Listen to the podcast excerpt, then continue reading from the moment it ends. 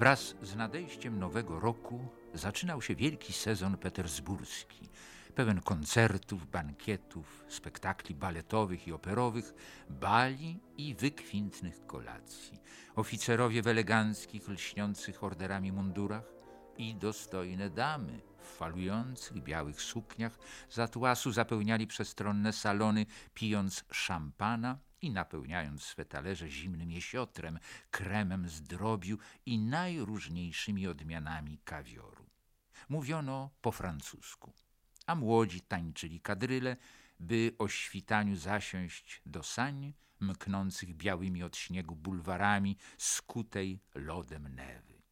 To stąd, z nadbałtyckiego miasta Sankt Petersburg, car rządził Rosją, dopóki gromy nie wstrząsnęły wielkim imperium.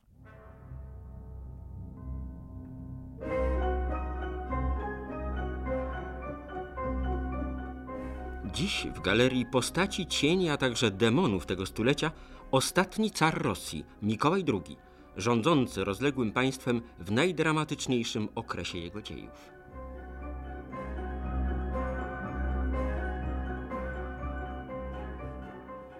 Na czele cesarstwa, stwierdza z niemałą dozą ironii nasz Stanisław Catmackiewicz, stał wtedy człowiek osobiście miły, dobry i ustępliwy o charakterze dobrze wychowanej dziewczynki dygającej na prawo i lewo, ale jednocześnie nie mający charakteru ani konsekwencji, szastający się od ustępstw do okrucieństw, nieinteligentny Dostojewszczyk i Elizabeth Heresz w biografii ostatniego Romanowa. To rewolucjoniści zrobili zeń człowieka słabego duchem i charakterem, bezlitosnego despotę lub niedołężnego władcę. Tu nie było miejsca na prawdę.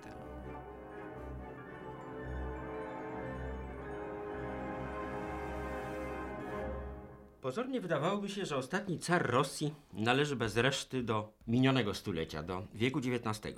Ale przecież wstąpił na tron w 1894 roku, czyli że w tymże XIX wieku rządził zaledwie lat sześć. Podczas gdy 17-letni okres jego panowania przypada już na nasz wiek historii współczesnej. Moim zdaniem jest to jednak postać w sensie kulturowym XIX-wieczna. Historyk profesor Leszek Jaśkiewicz. Niewątpliwie Mikołaj II należał do tej epoki, był w niej wychowany.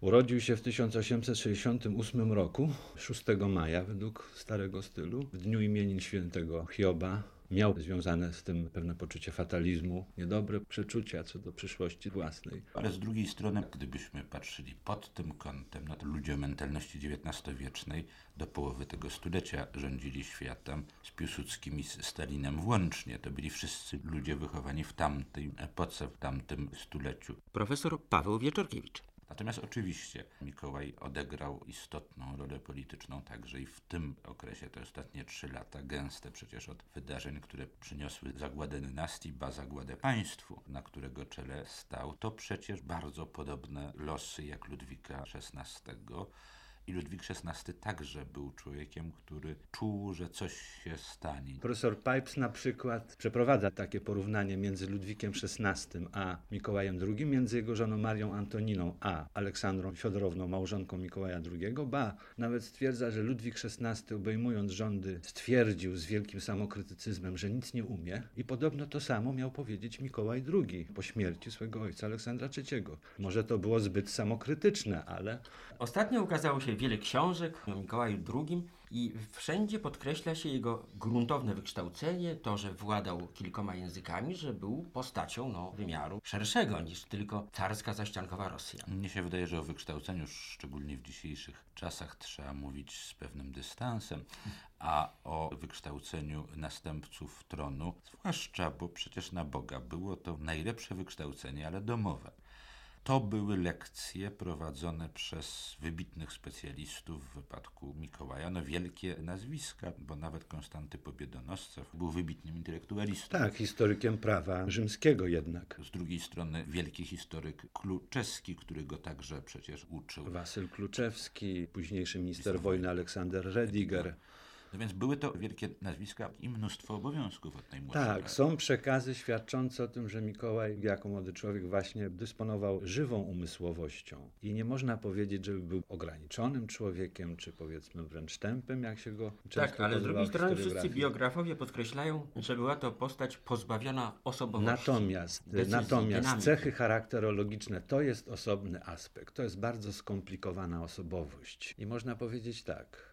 Rosja w tym bardzo szczególnym okresie, tak dramatycznym, tak brzemiennym w konsekwencje, potrzebowała samowładcy o silnej osobowości, bowiem to był jeden z elementów samowładztwa, absolutyzmu rosyjskiego, prawda. Akurat Mikołaj nią nie dysponował, a zarazem nie chciał być ceremonialnym władcą, żeby dać na przykład rządzić tylko biurokracji, nie będąc z natury samowładcą. Chciał de facto wykorzystywać wszelkie atrybuty samowładztwa. Ale z drugiej strony ja bym go trochę bronił. To jest syn ojca, który dysponował przede wszystkim charakterem, bo Aleksander III był bardzo silnym człowiekiem także w życiu rodzinnym. Był rzeczywiście takim ojcem w stylu XIX-wiecznym. Matka także o silnej osobowości i o ambicjach. Wreszcie biorąca wielki wpływ na Mikołaja żonę. Mnie się wydaje, że mając głęboko przy tym wszystkim wpojone poczucie obowiązku, Mikołaj zdawał sobie sprawę, że jednak nie może, nie powinien dać tym biurokratom rządzić, aby nie realizowali interesów swojej grupy czy swoich osobistych, ale żeby tutaj interes państwowy jednak nie cierpiał. Stąd ta chęć ingerencji, interwencji, a wreszcie jedna rzecz. Kompleksy i chyba duża nieśmiałość. Był kontynuatorem polityki swego ojca, Aleksandra III. Był przeciwnikiem reform. Więc najogólniej uważa się tak, że on chciał samowładztwo rosyjskie zostawić w nienaruszonym stanie. To było jakąś jego wielką ambicją, ażeby nic nie uszczknąć z tej właśnie ojcowizny, z tej spuścizny dynastycznej, jaką mu przekazano. Mimo, W że tych- świat wokół W tych ambicjach bardzo go jeszcze podtrzymywała, wręcz dopingowała do tego rodzaju obrony zasady monarchicznej małżonka Aleksandra Fiodorowna. Niemniej jednak na pewne ustępstwa, i to istotne ustępstwa, Mikołaj zmuszony był pójść w No więc właśnie. 1905-1906 roku. Dwa wielkie wydarzenia wstrząsnęły w czasie jego panowania monarchią. Wojna rosyjsko-japońska, prawda, i rewolucja 1905 roku. Te wydarzenia się zbiegły w czasie niejako i wywarły ogromny wpływ na bieg dziejów Rosji i Europy także. Ogrom spraw go, myślę, przerósł. On był rzetelnym, sumiennym urzędnikiem, który potrafił załatwiać stosy papierów co dzień, bo przecież podpisywanie nominacji choćby i tak dalej, i tak dalej, wszelkiego rodzaju decyzje. Pamiętajmy, do 1905 roku monarcha był de facto szefem władzy wykonawczej. Funkcji premiera w Rosji nie było i to z drugiej strony go kompletnie przerastało. I ta codzienna, biurokratyczna mitręga jakby zamykała mu wszelki horyzont, to znaczy on wiedząc nawet, że ta maszyna nie jest zbyt sprawna, nie miał czasu, nie miał także w jakimś sensie ochoty, żeby zastanawiać się nad możliwościami jej zreformowania. I tutaj w 1905 roku staje przed dramatycznym wyborem. Albo w gruncie rzeczy, bo tak to wyglądało przy 1905 roku, zagłada monarchii, zagłada państwa, albo zdecydowana reiterada z tych pozycji, których starał się bronić. I jednak trzeba powiedzieć pod wpływem otoczenia Witego przede wszystkim najwybitniejszego wówczas ministra, decyduje się na ten w stosunku do swojego programu krok wstecz z jego punktu widzenia. W gruncie rzeczy z punktu widzenia zmian ewolucyjnych jest to krok naprzód, mianowicie manifest 17 października. Był Mikołaj podatny na wpływy koterii, co się wiązało właśnie z jego taką słabością, brakiem pewności siebie. Ten człowiek bał się silnych osobowości wokół siebie, natomiast był bardzo podatny na najrozmaitsze potrzepty, często efekciarskie, często bardzo takie schlebiające jego egotyzmowi, bo miał przy braku silnej osobowości jednocześnie poczucie swojej władzy absolutnej a zarazem brak instynktu państwowego. I w 1903 roku on dał się, jeśli już wolno tak powiedzieć, uwieść grupie politykierów, którzy widzieli wielkie szanse uzyskania przez Rosję dominacji na Dalekim Wschodzie poprzez pokonanie Japonii, wyparcie jej wpływów z Korei, z Mandżurii, prawda. Witte, ówczesny minister finansów się jej sprzeciwiał, zapłacił za to dymisję. Niemniej ta koteria, prawda, doprowadziła do takiego zaostrzenia stosunków rosyjsko-japońskich, które skutkowało tym znanym z historii niespodziewanym atakiem na Port Arthur w 1904 roku. Więc jednak obciążałbym winą Mikołaja II za doprowadzenie do dużej wojny na wielką skalę, w której Rosja poniosła bardzo poważne straty. No, I na lądzie, Tsushima, i na tak? lądzie, i na morzu. która zatrzęsła posadami imperium, przyczyniła się walnie do wybuchu rewolucji 1905 roku. I tutaj niestety Mikołaj i jego otoczenie, które wówczas na niego miało wpływ, nie wykazało wyobraźni. Ale przepraszam, ale, ale ja będę tutaj adwokatus diaboli. To jednak trochę nie do końca wina samego monarchy. Przecież właściwie wszyscy wyżsi urzędnicy imperium, wszyscy generałowie, admirałowie, ale także politycy, byli absolutnie przekonani, że tej wojny Rosja nie może przegrać. I rzeczywiście w jakimś sensie no, złożyło się wszystko to, co najgorsze na to, że ta wojna skończyła się tak, jak się skończyła. Bo weźmy pod uwagę inny scenariusz. Rosja wojnę wygrywa. W związku z tym nastroje są raczej patriotyczne, prodynastyczne, Żadnej rewolucji nie ma. System się umacnia. Coś w tym było, tylko się okazało niestety, że wszyscy ci dostojnicy rosyjscy po prostu kompletnie nie mieli rozeznania, jeśli idzie o siły samej Rosji. Okazały się one znacznie mniejsze niż to się wydawało na pierwszy rzut oka. No i nie doceniali przeciwnika. Podobnie zresztą początkowo było, wydaje mi się, z tymi nieskoordynowanymi wystąpieniami rewolucyjnymi to niebezpieczeństwo też zostało niedocenione na początku, a potem ta fala rozlała się tak, że rzeczywiście podmyła już gmach państwowy, bo przecież monarchia się zatrzęsła. Ale wciąż jeszcze trwała w całym przepychu i ceremoniale. Carskie sioło było światem samym w sobie zaczarowaną, baśniową krainą, do której prawo wstępu miało tylko niewielkie grono ludzi. Napisał o rezydencji cara syn jego nadwornego lekarza Gleb Botkin. Z okien pałacu aleksandrowskiego o ponad stu pokojach car i jego żona spoglądali na tarasy, pawilony, posągi, ogrody i paradne pojazdy zaprzężone we wspaniałe konie. Pod wielkimi żrandolami na lśniącym parkiecie słały się bogate wschodnie dywany. Naręcza zawsze świeżych i pachnących kwiatów przywożono pociągami z Krymu. Przy każdych drzwiach do monarszych komnat stali lokaje, w oślepiająco białych pończochach, w lakierkach z miękkimi podeszwami sunęli bezszelestnie po parkietach koniuszowie w czerwonych pelerynach z naszytymi carskimi orłami i w kapeluszach z długimi, czerwonymi, żółtymi i czarnymi piórami strusimi. Na zewnątrz, wokół żelaznego ogrodzenia, okalającego cesarskie ogrody, straż trzymali brodaci, konni kozacy w szkarłatnych szarawarach i przypasanymi do boku lśniącymi szablami. Latem oszałamiająco pachniały rozrzucone po całym parku krzewy bzów. Zaiste, baśń prawdziwa.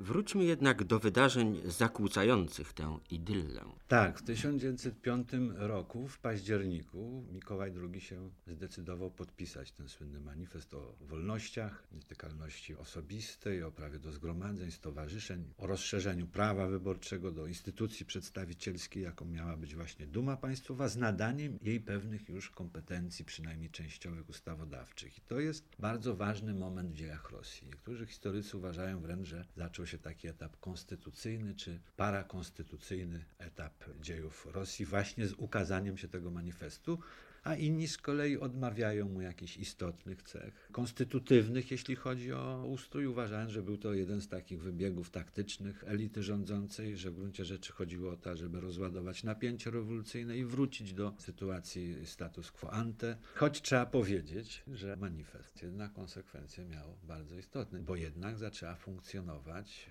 po raz pierwszy od dawna, od czasów jeszcze moskiewskiej, można powiedzieć, Rusi, instytucja przedstawicielska. Pluralizm polityczny w postaci legalnych partii.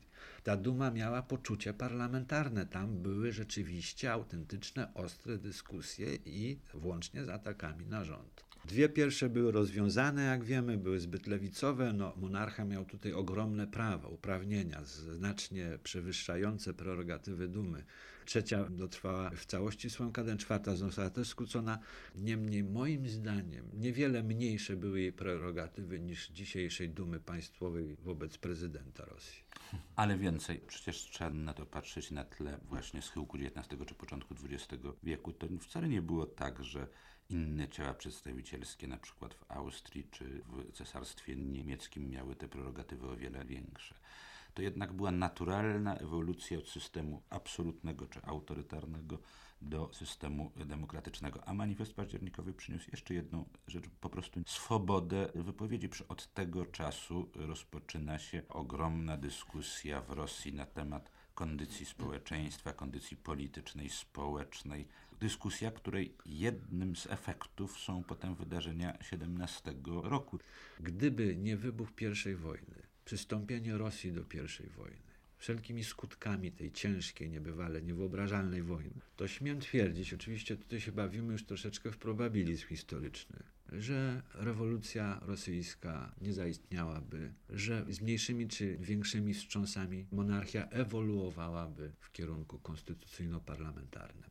Zważywszy, że w 1913 roku, dokładnie w trzechsetlecie panowania dynastii Romanowów w Rosji, wskaźniki gospodarcze Rosji były nadwyraz obiecujące. Rubel rosyjski miał pierwszorzędne notowania. Stawiano na Rosję jako kraj wybitnie rozwojowy, który zresztą jak sami ministrowie to mówili, Rosji potrzeba jeszcze 30 lat bez wielkich konfliktów i wstrząsów, a będzie jednym z przodujących ekonomicznie krajów świata. I być może by się to sprawdziło, ponieważ ja jestem przeciwnikiem tezy, że wszystko w Rosji od końca XIX wieku zmierzało jakoby nieuchronnie ku rewolucji i załamaniu się systemu monarchicznego. Otóż gdyby zdarzył się władca wybitniejszy, z większą dozą przenikliwości, który zdołałby uniknąć konfliktu, tak jak to radził Witte, Rosja powinna unikać konfliktów za wszelką cenę i zdołał doprowadzić do reorientacji sojuszy, to myślę, że przebieg wydarzeń historycznych byłby inny. Ale tu przechodzimy do polityki zagranicznej Mikołaja II. Czy jego związanie się z Francją, z Anglią miało tak negatywny wpływ na dalszy rozwój? No bo w konsekwencji tego Rosja przystąpiła do wojny przecież, no, prawda? To tutaj pamiętajmy jeszcze o dwóch perspektywach. Z perspektywy polskiej to oczywiście stało się najlepiej, jak się mogło stać bo bez wojny rosyjsko-niemiecko-austriackiej nie mielibyśmy niepodległej Polski. Natomiast próbujemy teraz patrzeć z perspektywy rosyjskiej.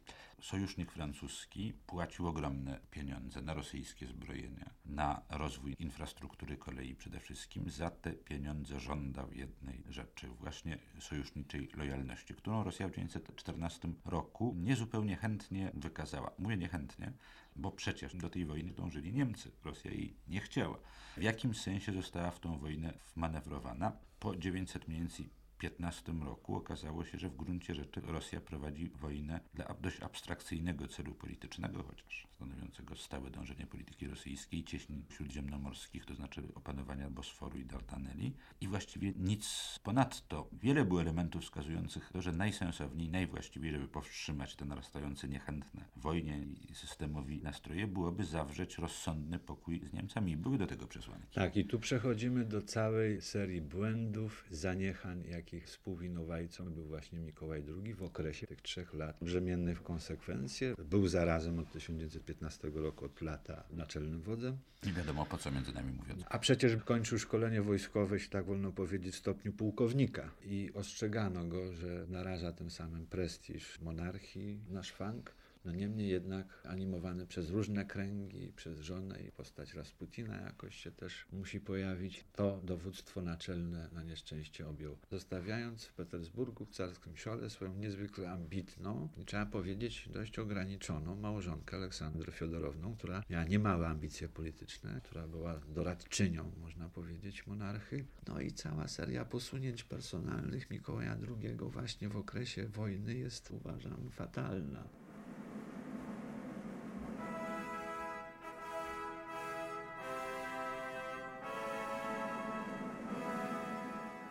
Wojna była główną przyczyną rozwoju choroby. To ona podkopywała organizm państwowy, ujawniając jego słabość i pozbawiając resztek sił żywotnych. Pisał w ostatnich dniach caratu Aleksander Bulok. Car Mikołaj, uparty, lecz bezwolny, nerwowy, nie mający zaufania do ludzi, zmęczony i małomówny, stracił głowę nie orientował się w położeniu i nie podejmował żadnej inicjatywy. Rasputin mawiał, że brakuje mu czegoś w środku. W tej sytuacji carowa, zdaniem niektórych mądra i błyskotliwa, wychowana w duchu angielskim, a jednocześnie modląca się w tajemnych zakamarkach cerkwi fiodorowskiej, stała się prawdziwą władczynią Rosji.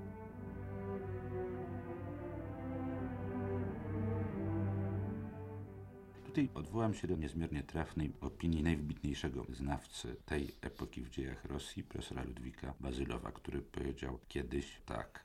Oto przykład, do czego jest w stanie doprowadzić głupia baba, jeśli zaczyna mieszać się do polityki. Dobrze, ale właśnie już kilkakrotnie padało imię Aleksandry Fiodorowny. Ona była też Alicją Heską. To była Niemka z pochodzenia, tak? Niemka, która bardzo szybko przeszła na prawosławie, właśnie przybrała wówczas imię Aleksandry Fiodorowny, która bardzo szybko zidentyfikowała się, tożsamiła się z Rosją, Ale z rosyjskością. ciągle wraca ta teza o wszechogarniającym niejako wpływie Niemców na politykę Rosji. Nie, w tym Nie. przypadku bym się nie zgodził. Ona często podkreślała, że ona jest przede wszystkim ukochaną wnuczką królowej Wiktorii. A, że to ona takie korygacji. wychowała się w kręgu bliżej dworu angielsko-brytyjskiego. Była doktorem filozofii, co jest ciekawe. No to nie taka głupia Nie- baba. No niestety, niestety w tym przypadku stopień uzyskany na Uniwersytetach Niemieckich wcale nie łączył się z jakąś szerokością horyzontów umysłowych. Tak, ogromnie muszę powiedzieć, drobiazgowa, zacietrzewiona, pełna kompleksów. Na to Mistyczka. Pamiętajmy, że to jednak panowanie i to małżeństwo było pod znakiem no niebywałej tragedii, jaką była śmiertelna choroba hemofilia następcy tronu. Odczytywała to przecież jako pewnego rodzaju stygmat, znak Boży i na tym tle rozkwitała potem Rasputiniada i wszelkie te wynaturzenia, które miały miejsce za tego panowania. Przejdźmy do ostatnich dni caratu, do tych historycznych momentów też, które mają swoją czarną legendę. Jest taki jeden z telegramów jednego z głównodowodzących frontami generała Ewerta, że wojska mogą wytrzymać na pierwszej linii stawiając czoło wrogowi, natomiast nie są one w stanie przystąpić do tłumienia zamieszek rozruchów na tyłach. Oznaczało to, że armia rosyjska jest w stanie efektywnie nadal prowadzić tę wojnę pozycyjną, trwać na pozycjach, natomiast generałowie, dowódcy nie byli w stanie wydzielić dostatecznie pewnych oddziałów, które by przystąpiły do pacyfikacji w wielkich miastach, a zwłaszcza stolicach, w Petersburgu i Moskwie. A zaczęło się dość banalnie, od y, kłopotów żywnościowych, prawda, z zaopatrzeniem. To były pierwsze Nie, i kłopotów, które wynikały głównie z nieudolności, prawda? administracyjne Powiedziawszy niejako tak. państwa. z niesprawności jakby tego systemu, bo Rosja w I wojnie światowej to jest ogromny wysiłek z jednej strony, a z drugiej strony ogromna jednak niesprawność systemu biurokratycznego. To ta wojna to pokazuje. I do tego dodajmy jeszcze jedną rzecz. Mianowicie liberałowie wszelkiego rodzaju, wszelkich odcieni prowadzą jednak od 1915 roku bardzo ostrą propagandę skierowaną przeciwko już samej osobie monarchy, bo ten plan abdykacji co najmniej carowej, ale może także cara, jest systematycznie rozwijany. I w związku z tym, przy niewątpliwym upadku autorytetu i prestiżu Mikołaja, w sytuacji, w której rozpoczynają się najpierw demonstracje, potem zamieszki na ulicach stolicy, wojsko ogłasza albo neutralność, albo przechodzi na stronę demonstrantów. I Rosja, tutaj trzeba powiedzieć, Rosja carska, carat rozpada się. Tak, na stronę demonstrantów przechodzą rezerwiści, świeżo powołani do garnizonów petersburskiego, Piotrogrodzkiego w tym wypadku, przepraszam, bo to już był Piotrogród, nie Petersburg Moskiewskiego. Wojska liniowe nie chcą się angażować, to znaczy myślę o generalicji i zachodzi sytuacja bardzo szczególna. Rosja prowadzi wojnę, car nie ma wyraźnego wsparcia ze strony generałów i dochodzi do tej dramatycznej rozmowy z delegatami Tymczasowego Komitetu Dumy Państwowej w Pskowie w obecności dowódcy frontu północnego generała Ruskiego, gdy on zmuszony jest złożyć podpis pod deklaracją o abdykacji. Zanotuje w tym dniu w dzienniku swoim gorzkie słowa, w tym lakonicznie prowadzonym dzienniku, który jest tematem sam w sobie, wokół kłamstwo, zdrada i tchórzostwo.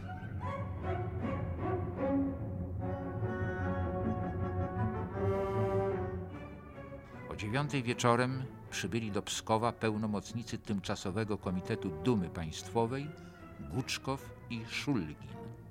Poprowadzono ich przez tory do jasno oświetlonego carskiego pociągu. Mikołaj, ubrany w prostą, szarą rubaszkę, powitał ich uściskiem dłoni i poprosił, by usiedli. Sam oparł się plecami o zieloną, pokrytą jedwabiem ścianę salonki i słuchał wyjaśnień Guczkowa o konieczności abdykacji. W pewnej chwili przerwał mu. Ta długa przemowa nie jest konieczna, powiedział spokojnie. Już postanowiłem zrzec się tronu. I opuścił salon. W jakiś czas potem zjawił się ponownie i w milczeniu przekazał dokument. Podczas tych decydujących dni w życiu Rosji uznaliśmy za nasz obowiązek ułatwić narodowi połączenie wszystkich sił dla szybszego osiągnięcia zwycięstwa i w porozumieniu z dumą państwową uznaliśmy za pożądane zrzec się tronu państwa rosyjskiego, a także zrezygnować z najwyższej władzy. Potem, pozornie spokojny, car długo i w samotności przechadzał się po peronie. Zaś jego nadworny kronikarz generał Dubieński stał w oknie wagonu i płakał. Choć nie omieszkał później napisać, iż Mikołaj zrzekł się władzy tak, jak gdyby zdawał dowództwo szwadronu.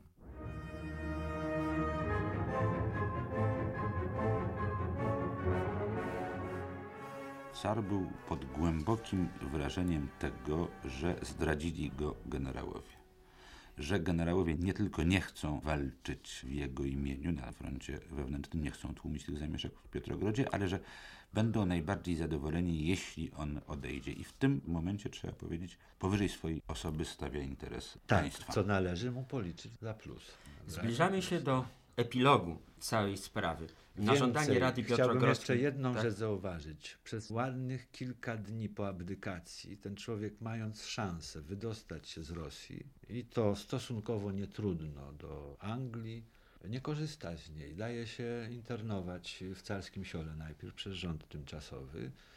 Nie podejmuje tej próby po prostu wydostania się z Rosji, którą podsuwano taki projekt, że po prostu opuścił, kiedy jeszcze może. Przeciwnie, ciągle żegna się z wojskami i w Rosji na swoje nieszczęście zostaje.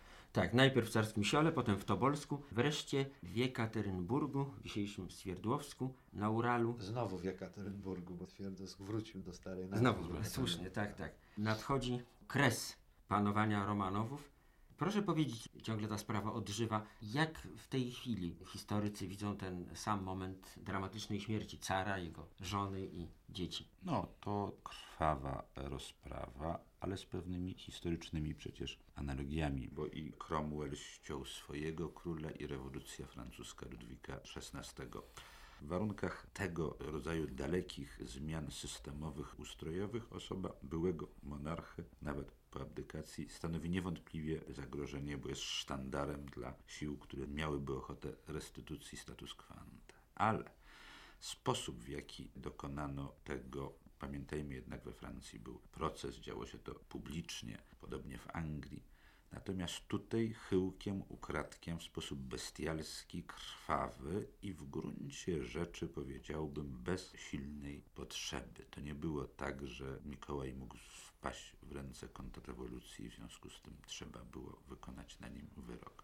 Zrobiono to, wydaje się, na zasadzie wyrównywania pewnych rachunków, rachunków, które mieli z nim różnej maści rewolucjoniści. Potrafił on firmować politykę represyjną w 1905 roku później i miało to charakter samosądu. No, rzeczą okrutną, straszną był sposób, w jaki potraktowano nie tylko Mikołaja, ale jego córki, całą rodzinę. Przecież właściwie każdy, kto wpadł w ręce bolszewików, był mordowany, mordowany ukradkiem w sposób bestialski.